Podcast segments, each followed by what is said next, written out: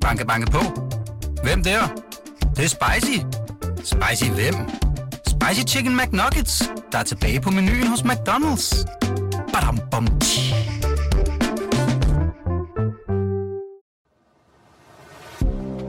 Du lytter til Dine Penge.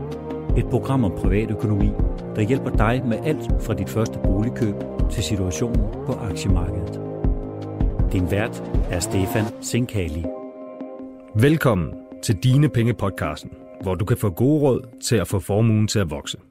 Det farver nye tider, ikke bare teknologisk, men i høj grad også privatøkonomisk, hvor især et fænomen øh, påvirker alt lige fra boliglån og pension til investeringer. Og det er renten. For efter finanskrisen har renten takket være centralbankerne været presset helt i bund. Ja, faktisk til et niveau, hvor man som boligejer kan blive betalt for at låne penge. Hvis ikke lige det var for det med bidragssatserne. Og det er faktisk ret uvandt territorium for både privatpersoner og økonomer, hvis vi kigger tilbage i tiden. Eksempelvis betalte mine svigerforældre 21 procent i rente på et af lånene ved deres første boligkøb. Det var tilbage i 80'erne.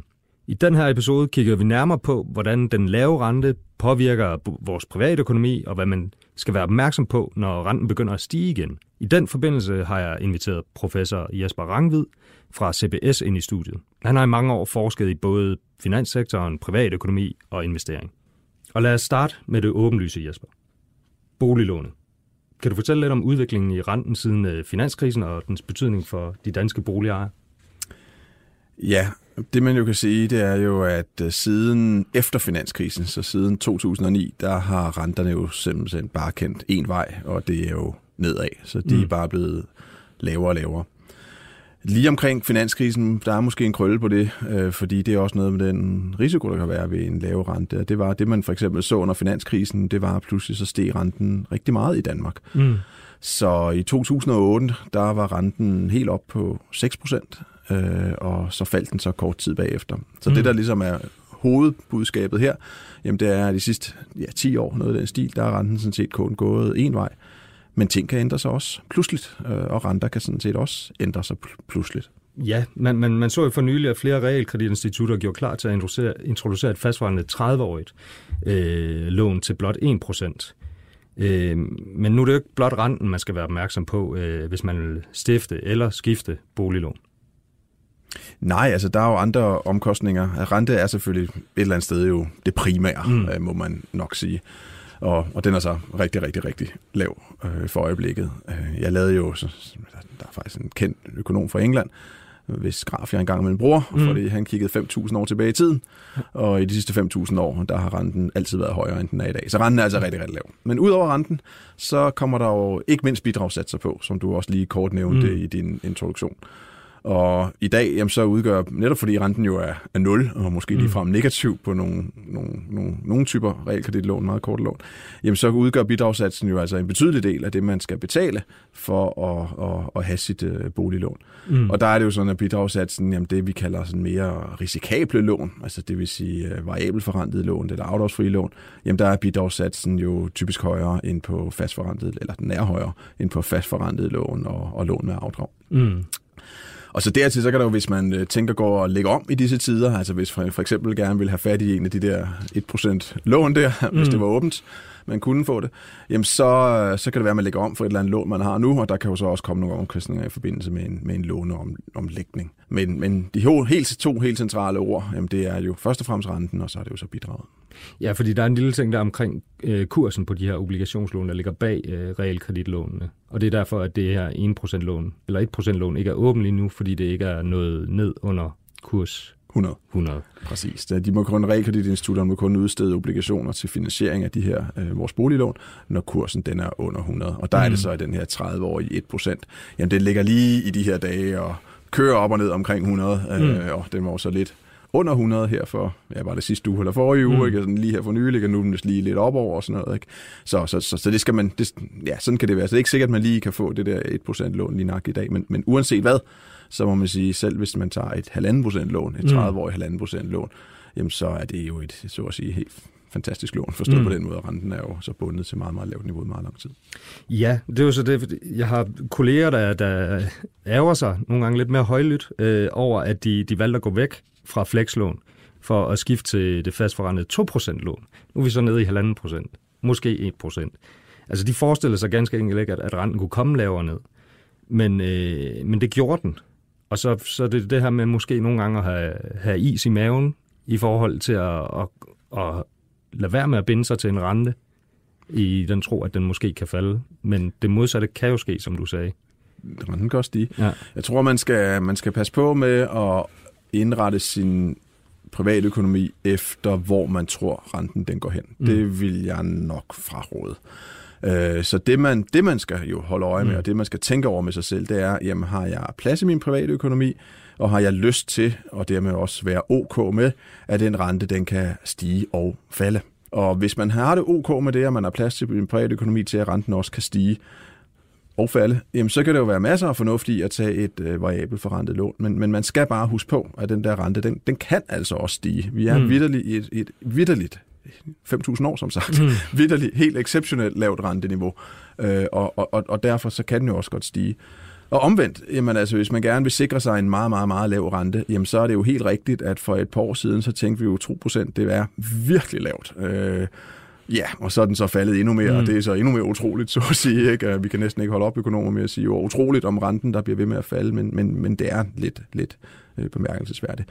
Man skal, altså, der, der er jo ikke andet at sige til det. Ikke? Altså, hvis man vil spekulere i renten, at den kan gå, den går op og ned, jamen, så, så, så skal man tage et variabelt forrentet lån. Men så skal man bare også være klar over, at renten den kan altså stige. Og hvis man vil have ro, på sådan, jamen, så må man låse sig fast.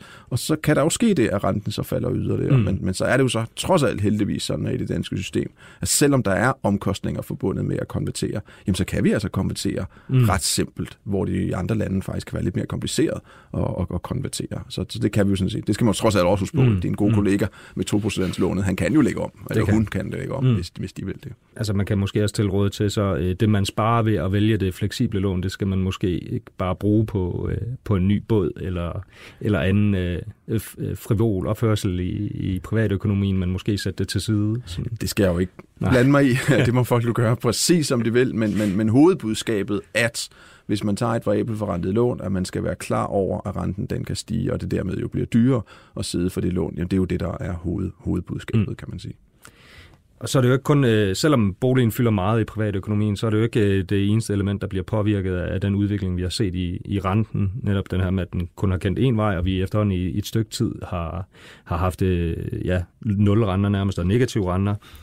Øhm, vi har i årene efter finanskrisen også været vant til ganske markante investeringsafkast på vores pensionsopsparing. Det er gået rigtig godt. Øh, men flere pensionsbosser advarede os sidste år om, at vi fremover skulle vende os til lave afkast. Og jeg, hvis jeg ikke husker helt forkert, så har du også været ude med en, en lignende melding. Kan du fortælle lidt om, hvad det, hvordan det hænger sammen? Ja, altså det, at vi lever i det her meget, meget lavrente miljø, jamen det er jo rart, hvis man skal ud og finansiere en bolig, Mm. som vi har snakket om her den første del af programmet. Men det betyder så omvendt, at øh, når vi så går over og kigger på den anden meget, meget vigtige del af mange, men stort, stort set alle menneskers privatøkonomi, pensionsopsparing, jamen så betyder den lave rente jo samtidig, at når vi så sparer penge op, og det gør vi jo ikke mindst, når vi sparer op i pension, Mm. jamen så får vi jo så også en meget lav forrentning, hvis vi køber en obligation.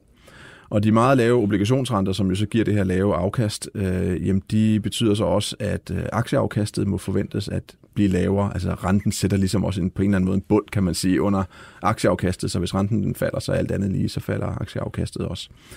Og bottom line, hvis, som det hedder på dansk, Mm. jamen så summerer det op, jamen så står vi over for en periode, hvor de afkast, vi må forvente på vores øh, opsparing, vil være øh, væsentligt lavere end det, vi har været vant til. Øh, og, og altså både når vi kigger sådan, de sidste 10 år har jo været fænomenale, altså de 10 Mm. år, der er gået siden aktiemarkedet, øh, undskyld, siden finanskrisen selvfølgelig, har været helt fænomenale på aktiemarkedet. Det har været virkelig, virkelig bullet derude af Mm. bare.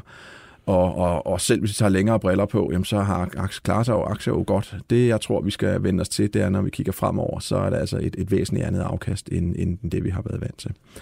Og så er det jo så sådan, at jeg faktisk ligefrem har arbejdet sammen med, eller med pensionsbranchen. Jeg er blevet bedt om at komme med nogle afkastbud, Mm. som de kan bruge, når de skal regne på danskernes forventede pension. Og, og dem kom vi så med i slutningen af sidste år, og de er altså lavere end det, vi har været vant til. Og det betyder så alt andet lige, at ens pension skal forventes at blive lavere. Ja, og hvordan skal man så gribe det an? Altså fordi så er der vel ja, så er der et par greb, man kan gøre. Øh, Ja, altså sådan man på kan den- arbejde længere. Ja, på den helt store klinge, ja. ikke? Altså, så er der jo et- nogle ting, man kan gøre, ikke? Og den ene, altså, så ligesom budskabet er, at vi skal nok forvente at få lavere pension, end det vi ligesom, så at sige, havde forventet tidligere, hvis man Mm. skal sige det på den måde, fordi vi afkastene bliver lavere. Og det betyder så, jamen enten så, så betyder jo så, har vi lavere penge under pensionering. Mm. Og igen, så er det jo et spørgsmål, hvad den enkelte ønsker. Nogen kan jo sige, jamen det er ok. Mm. Jamen, altså, min pensionsopsparing er ok, ikke? og selv med det her lavere forventede pension, jamen, så er det sådan, jeg har med lavere at leve for, men, men sådan er det så. Mm. Hvis man ikke har det sådan, siger man, altså det, det, det gør lidt ondt i min pensionsalder, jamen så kan man arbejde længere. Altså Mm. det er jo rigtigt. Så kan man jo arbejde længere på den måde have mindre tid til pension, og på den måde mere tid til at spare op. En anden, anden mulighed, jamen det er jo, at man kan spare mere op i dag. Altså Mm. det vil sige, lade være at arbejde længere, men sige, hvis man nu betaler 12 procent ind på sin pensionsordning, så øge den til 13 eller 14 noget af den stil, altså kompensere for øh, de lave afkast via øget øh, pensionsindbetalinger. Mm. Så alle de ting er jo ikke særlig sjovt. altså, det er jo ikke særlig sjovt at arbejde, eller nødvendigvis i hvert fald, at Mm. skulle arbejde længere. Og det er heller ikke nødvendigvis sjovt at skulle betale mere ind på en pension, for det betyder så, at man har mere til forbrug i dag jo. Altså Mm. hvis man så betaler mere af på pension, jamen, så har man jo ikke så meget i, i, i kassen i dag. Mm. Så det er jo ikke sådan en sjov ting, øh, men, men, men det er nok sådan, at det, det er nok det, vi skal vende os til. Så det, det var boligen, det var pensionen, så er der også øh, investeringen. Altså som du selv sagde, så ja, aktiemarkederne har, har bulret derudad. Øh, men det kommer de forventeligt ikke til at gøre øh, fremover. Altså hvordan påvirker de lave renter den måde, man ellers skal investere på som, som privatperson? Jamen, de, altså igen, det, det vigtigste det er ligesom, at man indstiller sig på det her budskab med, at man får nok ikke så meget afkast. Det er ligesom Mm. det vigtigste, men det vil jo stadig være sådan, at selv, med, stor, med størst sandsynlighed, vil det stadig være sådan, at selvom aktieafkastet forventes at være lavere, end vi plejer, Mm. mm. så vil aktier jo trods alt, må vi forvente, give et højere afkast end obligationer. Mm. Så altså, hvis du sætter penge i obligationer en dag, jamen, så får du, ja, hvis du virkelig køber nogle af dem, så får du lov at betale for at holde de obligationer. Altså renten er negativ, afkastet er negativt. Men selv med andre obligationer, så er det jo et, et rigtig, rigtig, rigtig lavt afkast. Så hvis man vil have lidt afkast, jamen, så skal man jo over i noget, der hedder aktier, øh, noget af den stil. Det er klart, det er mere risikabelt. Mm. Øh, det er derfor, at det, at det forventede afkast det er højere. Det er fordi, det er mere risikabelt, og risiko, det hedder, betyder, at man kan også tage penge. Mm. Det er mere risikabelt, men, men man må trods alt forvente, at, at man får altså et højere afkast på aktier end på obligationer. Mm. Og hvis man så ikke skal bevæge sig ud i at, at sælge pantebrev eller noget andet, der ryger le- endnu længere ud af, af risikokurven, øhm, så skal man måske, kan man med fordel kigge på, på omkostninger frem for afkast, havde jeg sagt. Altså hvis... Det er jo altid godt at kigge på omkostninger. det er altid fornuftigt at kigge på omkostninger, uanset om boliglån, eller om vi snakker de omkostninger, der er ved investering osv. Mm. Så det er jo altid fornuftigt, øhm, og det skal man selvfølgelig prøve alt andet lige at holde så lave som muligt. Men hvis det er, hvor vi ligesom sådan er på vej hen, øh, mm. så er det sådan noget af den måde, man kan investere på, det er jo også via investeringsforeninger. Mm. Øh, og der er jo ligesom nogle investeringsforeninger, der er, hvad skal vi sige, har høje omkostninger, og nogle har, har lave omkostninger. Og igen, man skal selvfølgelig kigge på omkostninger, men jeg tror også, man skal passe på, at man ikke ligesom altid bare stiger sig blind på Mm. Øh, fordi det kan jo være, at der er nogle investeringsforeninger, som for eksempel har en vis type af, af investerer en vis type af aktiver. Øh, det kan være emerging market aktier, det kan være virksomhedsobligationer og sådan noget. Og de investeringsforeninger, de har altså lidt højere omkostninger, mm. men de er jo fornuftige nok at have en bred portefølje alligevel. Så, så yes, selvfølgelig skal man holde øje med omkostninger, men man skal ikke sådan bare sige, at jeg skal altid, altid og nødvendigvis have de laveste omkostninger. Mm. Selvfølgelig for det samme produkt, der skal man selvfølgelig have de laveste omkostninger, men man skal også have en god portefølje. Mm. Okay. Altså, vi har set den amerikanske centralbank øh, hæve renten par gange på den anden side af Atlanterhavet. Nu er den så trykket på pauseknappen for nylig, og den europæiske centralbank bliver ved med at udskyde renteforhøjelser, nu senest til 2020. Øh, men på et eller andet tidspunkt kan renten alt lige, alt andet lige tænkes at stige igen. Altså, hvad er det så, man især skal være opmærksom på? Med hensyn til boliglån ja, eller hvis vi investeringer? Starter, boliglån, hvis ja, vi starter der. Boliglån, den er jo helt klart, Ja. ja. og det er jo, hvis man sidder i et variabelt forrentet lån, jamen, så skal man, som vi snakkede om, jo være Mm. klar på, at, at renten den kan stige. Øh, Selvom der måske ikke er noget, der tyder på det lige nu, jamen, så kan det absolut jo ske Mm. en eller anden dag. Mm. Så det er jo ligesom det, det, er jo det centrale, kan man sige. Så er det jo sådan, at, at hvorfor er det, at renter stiger? Hvornår er det ligesom, at centralbanker begynder at sætte Mm. renten op? Og hvorfor er det, de har sat på pause lidt nu? Ja, der, hvor de sætter renten op, det er jo fordi, det begynder at gå godt i økonomien. Mm. Det, det er sådan, mekanismen er, når det går godt i økonomien, når der er pres på økonomien, når der er pres på inflationen, altså prisstigningerne, jamen så det centralbanker skal gøre, øh, fordi det, det ligger deres mandat, jamen det er, at der skal de så begynde at hæve renten. Og derfor så er det sådan nogle gange lidt svært, når man så spørger, hvad betyder det så for aktiemarkedet, mm. at centralbankerne hæver renten? Hvis man sige, åh ja, men okay, altså hvis jeg så får lidt mere i rente, jamen, så kan jeg jo godt sælge med nogle af mine aktier nemlig, for jeg får så mere lidt rente, hvis Mm. jeg kører nogle obligationer. Og den er sådan set rigtig nok, men på den anden side, hvorfor var det nu, de hævede renten? Jamen det er jo fordi, at økonomien den er god, og når økonomien den er god, så er det typisk også godt for aktiemarkedet. Mm. Så det er sådan lidt mere kompliceret faktisk ja. at svare på, end bare lige, jamen når renten stiger, så skal du sælge din aktie, mm. eller også skal du ikke. Mm. Det, kommer sådan, det kræver sådan lidt mere analyse, kan man vel godt tillade sig at sige. Ja. Tusind tak, fordi at du vil komme herind, øh, Jesper, og gøre os lidt klogere på rentens betydning for vores allesammens øh, private økonomi. Selv tak. Du lytter til Dine Penge, og det er blevet tid til Mikro Makromix med Ulrik Bie og Sara Jolie. Så skal vi tale om de grønne og røde tal på de globale aktiemarkeder og de økonomiske mekanismer, der trækker i trådene bag. Vi starter med de vigtigste begivenheder i ugen, der er gået. Og for at gøre det, skal vi en tur til Kina. Skal vi ikke, Sara? Det kan du tro, Stefan. Der er nemlig været ret mange positive nyheder ud af Kina i løbet af den her uge, og det har fået aktiemarkederne til at fortsætte med at stige. Og vi er jo lige kommet ud af et første kvartal, som var virkelig, virkelig positivt på aktiemarkederne. Og så kom vi ind i den her uge, og jeg, jeg troede faktisk ikke, at vi kunne blive ved med at se så stærke øh, positive stigninger. Men så kom Kina med nogle rigtig flotte PMI-tal, både for deres servicesektor og deres industrisektor. Så kom Financial Times med en artikel om, at nu er vi super, super, super tæt på at have en handelsaftale mellem USA og Kina. Og det er noget, aktionærerne virkelig, virkelig godt kan lide. Hvis der er noget, de har været bange for det seneste stykke tid, så er det, at øh, væksten i Kina den er begyndt at trække sig lidt tilbage. Og det kan selvfølgelig have stor øh, betydning for mange af de virksomheder rundt omkring i verden, der sælger til Kina, og dermed også de aktier. Så hvis vi kan få lukket handelskrigen, og vi kan få mere kinesisk vækst, så er det bare super fedt for investorerne. Men øh, har vi ikke hørt den melding før, at vi var super, super tæt på en afslutning, og har aktierne så ikke også en, øh, og så går vi har, igen? Vi har hørt rigtig, rigtig mange gange, altså nærmest hver uge eller hver måned er der kommet en historie om, at nu mangler de lige 5% her og 5% der, og Kina er ved at give sig på den ene side, af USA lover, at de vil fjerne straftollen. Så nej, ja, vi har hørt den her historie rigtig mange gange, og vi vil gerne snart have noget meget konkret på bordet, for investorerne ikke bliver ved med at blive skuffet. Det kunne fx være, hvis vi kommer frem til, at Trump og Xi Jinping, den kinesiske præsident, mødes senere i april måske, for endelig at underskrive sådan en aftale. Mm. Og hvad, hvad er økonomens take på det, Ulrik? Altså det her med de her PMI-tal, der peger i en positiv retning? Jamen, der er ikke nogen tvivl om, at, øh, at handelskrigen har taget to de kinesiske myndigheder øh, på sengen. Det var slet ikke det, de var forberedt på. De havde misforstået, hvad de signaler, der kom ud af Washington. Og øh, derfor havde de brug for en pause. Og der lavede man våbenmilen, som startede 1. december og egentlig udløb 1. marts. Og den var designet til fra kinesisk side til dels at se, om man kunne få, altså, det, der var et ekstremt asymmetrisk forhold i amerikansk økonomi, så meget, meget godt ud på det tidspunkt, og kinesisk begyndte at skride virkelig. Så den forskel gav jo Trump en form for magt i forhandlingerne, fordi Kina skulle gøre et eller andet for, at det ikke gik helt galt. Og det, de så har brugt tre måneder på, det er massiv stimulans. Altså, at de har pumpet penge ud i økonomien, både øh, via lettelse af kreditkraven til bankerne, øh, og ved, at øh, man har lavet den sædvanlige finanspolitiske tutlihut med skattenedsættelser og masser af infrastruktur og den slags. Mm. Og det begynder langsomt nok at virke. Og, og så ser vi altså, at øh, virksomheden bliver mere optimistiske, og øh, det er jo godt, men det der jo er problemet i forhold til handelsaftalen, det gør jo, at der er jo rigt, altså listen over meget, meget ømtålige ting, som Kina skal overgive sig på, er, den er lang. Mm. Den er rigtig lang.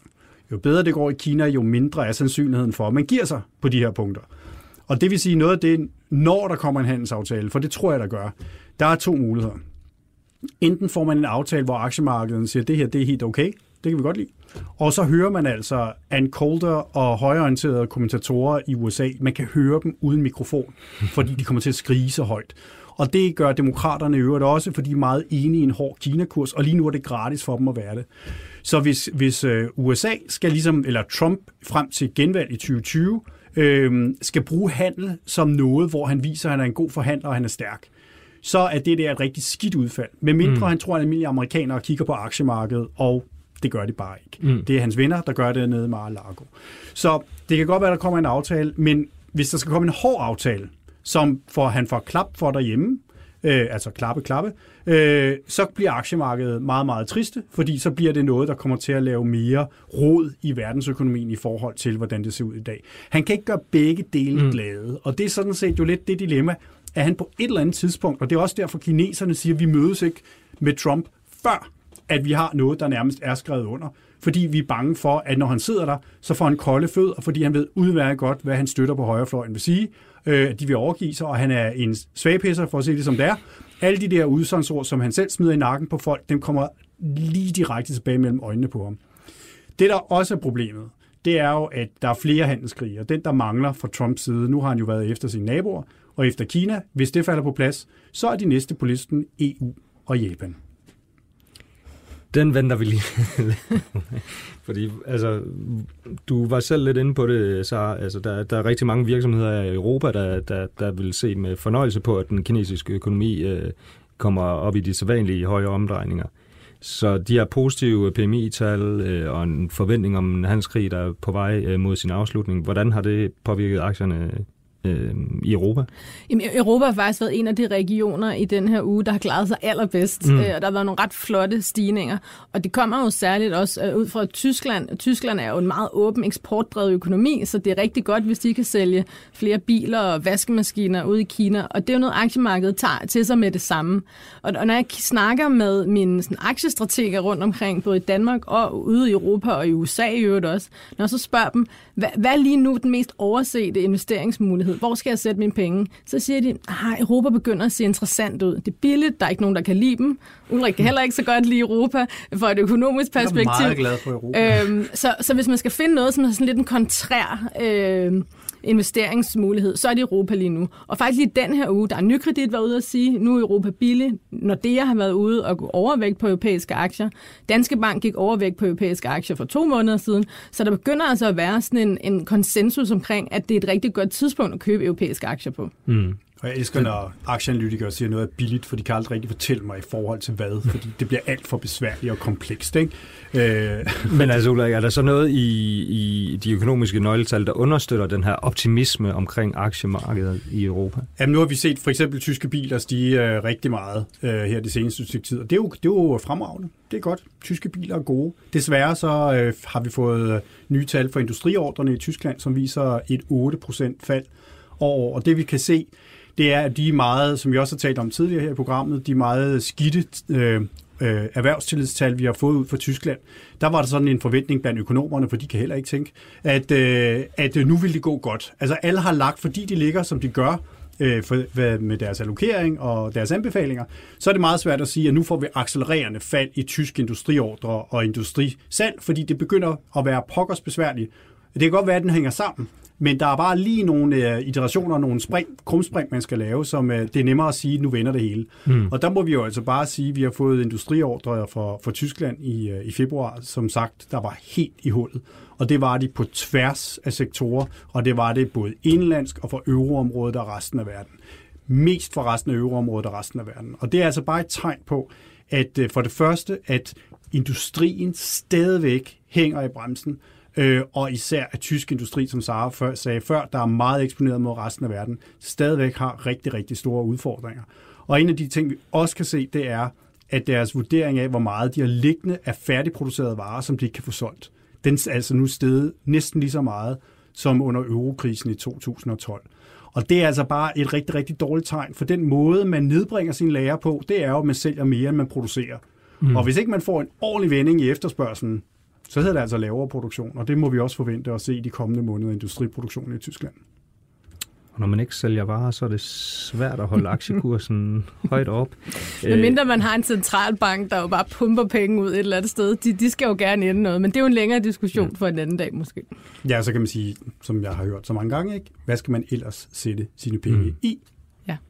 Der er jo sådan et ting i aktieverdenen, der hedder Tina, uh, there is no alternative. Så du sætter pengene i aktie, fordi du ved ikke rigtig, hvad du ellers skal købe. Nej, ja, og vi går ikke ud i pantebrevsinvesteringer lige forløbig, tænker jeg. Øh, vi skal også lige forbi den, den femte største børsnotering i, i Danmarks historien, øh, så øh, Maersk Drilling gik på børsen i den her uge. Ja, og det var jo øh, noget, vi havde ventet på længe, at den her del af Mærsk skulle spaltes fra. Så nu har de jo virkeligheden tilbage i den gamle Mærsk, hvis man kan sige det. Det er shippingforretningen, og så har vi så olieforretningen over på den anden side. Mm. Og det blev til at starte med taget ret godt imod på børsen med Mærsk Drilling. Det var noget, aktionærerne gerne ville købe ind i, men det var desværre ikke så lang tid, så begyndte aktierne at falde lidt igen. Så jeg tror, at man skal lige prøve at finde ud af, som aktionær, vil man gerne have olieaktie, eller vil gerne have en shippingaktie, eller vil gerne have begge dele. Nu får du faktisk muligheden for aktivt at tage et valg, om du vil gamble på den ene eller den anden sektor, og de er jo faktisk lidt forskellige. Så mm. den skal nok lige have lov til at justere sig en lille smule. Ja, fordi den, den, den startede med, at rent faktisk, der var værdien af den samlede værdi af drilling og, og det gamle Mærsk, så at mm. sige, øh, mere værd, end den var før spaltningen. Det har så vendt øh, i løbet ja, af dagen. det er så faldet i løbet af den dag. Så aktionærerne skal, det er en ny verden for dem. De skal lige prøve at finde ud af, hvordan det er. Og så tror jeg også, at, at de analytikere, der sidder derude, skal også prøve at finde ud af, hvad er der egentlig inde i den her nye kernevirksomhed? Mm. Hvad er det for nogle øh, fra, øh, indtjeningsmuligheder, der ligger fremme? Og før man kan justere det, så skal man jo lige finde ud af, hvad man som investor er villig til at betale for den mm. her aktie også. Mm. Okay. Jamen, det var, det var ugen, der, der gik, og der var der fokus på øh, Kina, og det kan jeg forstå, at aktiemarkedet også vil have i ugen, der kommer. Så. Ja, det er ikke noget, vi lige giver op lige med mm. det samme, når først vi øh, hænger os fast på noget. I næste uge får vi handelstal for Kina, både eksport og import, og det er jo også meget i tråd med den her handelskrig og den efterspørgsel, der er på både på kinesiske varer, det fortæller os noget om den efterspørgsel, resten af verden har, men også hvor meget Kina importerer, hvor stærk væksten måske det er der. Så det er noget, vi holder rigtig, rigtig meget med ude på aktiemarkedet. Mm. Og hvad med økonomens syn på, øh, på de tal? Ja, vi har jo altid det problem, at vi har det kinesiske nytår øh, i, helt i starten af året. Det vil sige, januar og februar er altid noget møg og, mm. og skulle drage konklusioner fra. Så vi begynder at få noget, øh, vi kan bruge til, til lidt mere i, i den sammenhæng. Så det er klart, det er, det handel er noget af det, som øh, måske øh, kan, kan gøre lidt mere. En anden ting, som jeg synes er værd at holde øje med, det er jo, at øh, den 12. april øh, forlader Storbritannien EU. Sådan, tør, du godt, tør du godt sige det, ja, det gør jeg ikke. Men uh, den ligger der jo også, og det vil sige, at, om ikke andet, hvis man glemmer sine investeringer og bare vil have et uh, surrealistisk show, så kan man jo altid følge debatten i det britiske parlament. Det har vi snakket om før. Det tredje, jeg synes er lidt værd at holde øje med, det er altså, at vi har Tyrkiet, uh, som har ganske alvorlige økonomiske problemer øh, haft en lidt periode, hvor det har været stille omkring valutaen, øh, men hvor vi har set nogle store skred. Og øh, der skal altså ikke ske særlig meget, før at øh, investorer trækker følehornene endnu mere til sig. Og det er dyrt øh, for regeringen, centralbanken, at det bliver ved med at hive, smide deres øh, hårdt surt tjente dollar ud i valutamarkedet for at forhindre, at øh, den falder så meget. Så det er også en af dem, som er, er værd at holde øje med i den kommende uge. Og hvad, hvad, hvad tror du, der ligesom kan, det kan udvikle sig til? Altså, det, så vidt jeg, altså de har fået trukket sig lidt tilbage fra afgrundens rand. Altså økonomisk så ligger de ude og plader i en dyb recession med stigende arbejdsløshed og, og almindelige mennesker, der taber rigtig mange penge, men øh, der kan man sige, hvad er aktiemarkedet interesseret i, mm. og vi har også haft meget store aktiekursfald dernede. Men det er klart, det er en af dem, hvor man simpelthen ikke er i tvivl, man, er, eller, man har ingen tillid til den økonomiske politik. Man ved ikke rigtigt, hvad det er, man kommer til at gøre. Normalt, når man har en svækket valuta, vil man sætte renten op, men præsident Erdogan mener, at man får lavere inflation ved at sætte renten ned. Det er der ingen andre, der gør. Og det er klart, at hvis han får gennemtrumfet, at man får lempet den økonomiske politik, fordi man har en dyb recession, øh, så ender man i en situation, hvor man meget hurtigt øh, kan få en endnu sværere valuta, end man har på nuværende tidspunkt. De korte statsrenter, de ligger altså omkring 1,22 procent, øh, men det er også klart, at hvis valutaen den skrider 30 øh, mere herfra, så har man lige pludselig ikke noget særligt godt afkast, hvis man skulle have de morsomheder, at man vil kaste ud sådan nogle investeringer. Mm. Nej, det lyder meget kaotisk. Øh, næsten lige så kaotisk som Brexit. Og øh, nu hørte vi lige, øh, at Ulrik han var mere eller mindre villig til at sige, at øh, de forlod øh, EU i næste uge. Nej, det var jeg Nå. ikke. Det var, jeg skreg, jeg aner. Jeg har ingen idé om, hvad der kommer til at ske time for time og dag for dag. Og den usikkerhed plejer at være gift for aktiemarkedet, men nu har man levet med den i så lang tid. Altså, kan man overhovedet sige noget begavet på det her tidspunkt om, hvordan aktiemarkedet vil reagere på, hvad der sker og ikke sker i Øhm, det mest begavede at sige, det er, at de ignorerer det ret meget. Det eneste, hvor det får en indflydelse, det er, når der kommer meget store øh, kurshop i pundet. Mm. Fordi mange af de engelske virksomheder, de er meget internationale og tjener mange penge i euro og dollar og yen. Så hvis mm. pundet falder eller stiger meget, kan det have en indflydelse. Men nej, altså, jeg har selv boet i London i mange år, og jeg har fulgt meget med i det i starten, men nu kan jeg simpelthen ikke holde ud og følge med i det længere. Og sådan tror jeg rigtig mange store og englænder også har det. Mm. Okay, jamen Kina, Tyskland, Tyrkiet, Storbritannien, USA. Uh, øh, mange tak for en tur rundt i verden endnu en gang i den her uge. Dine penge er tilrettelagt af Stefan Sinkali, Sara Jolin, Ulrik Bie og Mia Svendingsen. Find alle episoder på berlingske.dk-podcast eller i 24 7 appen